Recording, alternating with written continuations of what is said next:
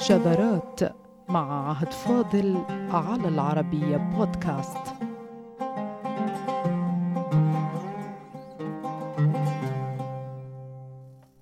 لا تحتفظ الكلمات العربية بمعانيها المتداولة خاصة إذا تحولت إلى مصطلحات يقصد منها إيضاح جانب ما أو الإشارة إلى معيار في الأدب والشعر.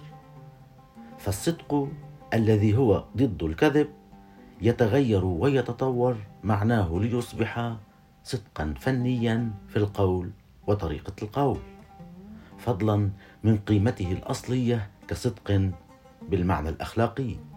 ومن هنا عمل المصنفون العرب على ما عرف بأصدق بيت شعري والقصد منه الصدق بمعنييه الأخلاقي والفني.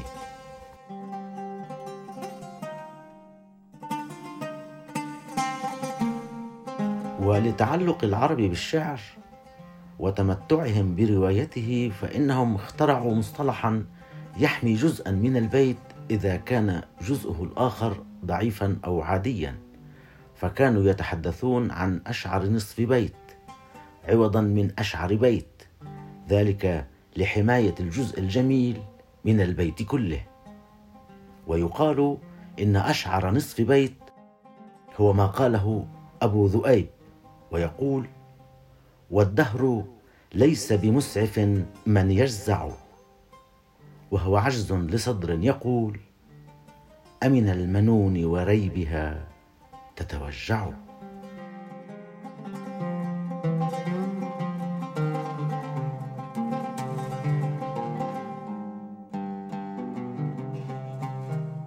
ومن أشعر نصف بيت إلى أصدق بيت شعري. ولا يجتمع المصنفون كافة على أن هذا البيت أو ذاك هو أصدق بيت شعري.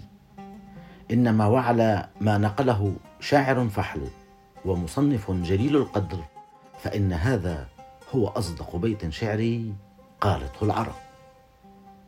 أما المصنف الجليل فهو ابن حجر العسقلاني الحافظ صاحب التصانيف الجليلة ومنها الإصابة في تمييز الصحابة. فقد نقل بأن أصدق بيت قالته العرب هو ما قيل بالنبي محمد عليه الصلاة والسلام. والبيت ينضح صدقا في مبناه ومعناه ويقول وما حملت من ناقة فوق رحلها أبر وأوفى ذمة من محمد.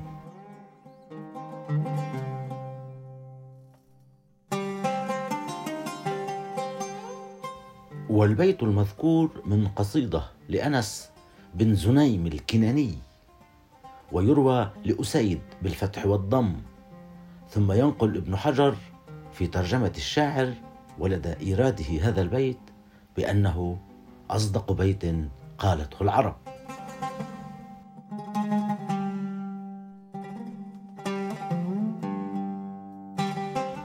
قصة أصدق بيت قالته العرب تروى ببيت آخر. فقد قيل إن أصدق بيت هو الذي يقول ألا كل شيء ما خلا الله باطل وكل نعيم لا محالة زائل والبيت المذكور هو للبيد بن ربيعة الجاهلي الذي أدرك الإسلام ومن المخضرمين الكبار الذين وضعهم الجمحي في الطبقة الثالثة من الفحول إلى جانب أبي ذؤيب الهذلي والشماخ والنابغة الجعدي الذي وصفه بأنه أفصح العرب.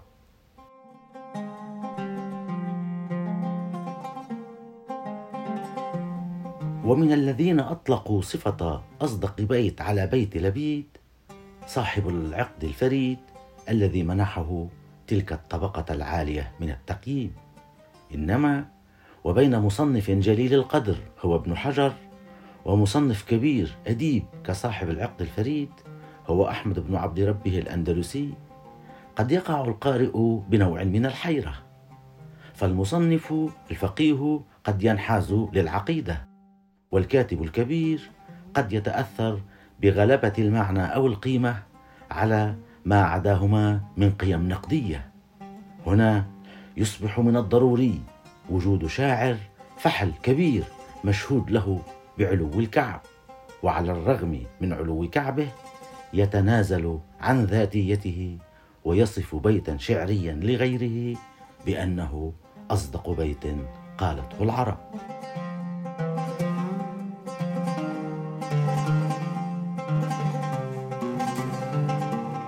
هذا الشاعر الفحل هو دعبل بن علي الخزاعي.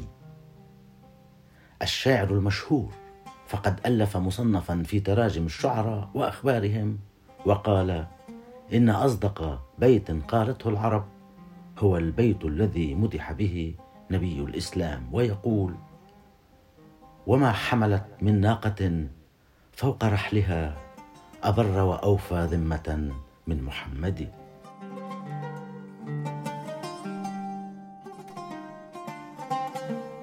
فإذا اجتمع المصنف الحافظ مع الشاعر الفحل على رأي في بيت شعري فهذا يعني أنه اكتسب صفة القطعية وأصبح باتا لا يقبل الطعن. وعلى هذا فإن أصدق بيت قالته العرب هو وما حملت من ناقة فوق رحلها أبر وأوفى ذمة من محمد. ومن يدقق في البيت المذكور يتلمس فيه عاطفة مشبوبة كامنة. ذلك أن النبي الكريم كان قد عفى عن الشاعر المذكور لقصة طويلة وكان لهذا العفو أثر كبير في روحه المتعبة. فنطق لسانه بما جاش فيه قلبه ليبدأ جملة كما لو أنها جزء من عاطفة وشعور بالامتنان والأمان. فقال ما قاله فقد عفى عنه بعد كل ما فعله. ومنحه الأمن والأمان فضجت روحه بالحب والاعتذار. فصار بيته أصدق بيت قالته العرب. كما قال الفحل الخزاعي والحافظ ابن حجر وهي منزلة لم تقيد إلا لاثنين كان ابن زنيم واحدا منهما.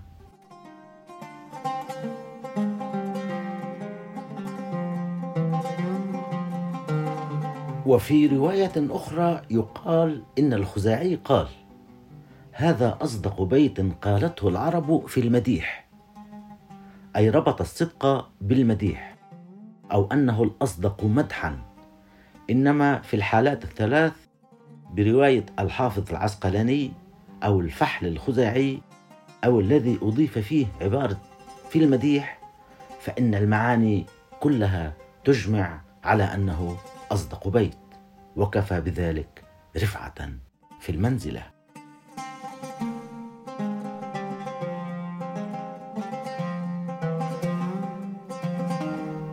ومن القصيدة التي ورد فيها ما وصف بأنه أصدق بيت قالته العرب.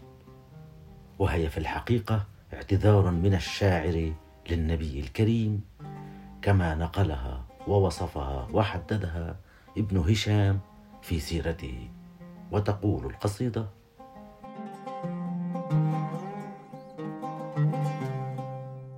أأنت الذي تهدى معد بأمره؟ بل الله يهديهم وقال لك اشهدي وما حملت من ناقة فوق رحلها أبر وأوفى ذمة من محمد. أحث على خير وأسبغ نائلا إذا راح كالسيف الصقيل المهند وأكسى لبرد الخال قبل ابتذاله وأعطى لرأس السابق المتجرد.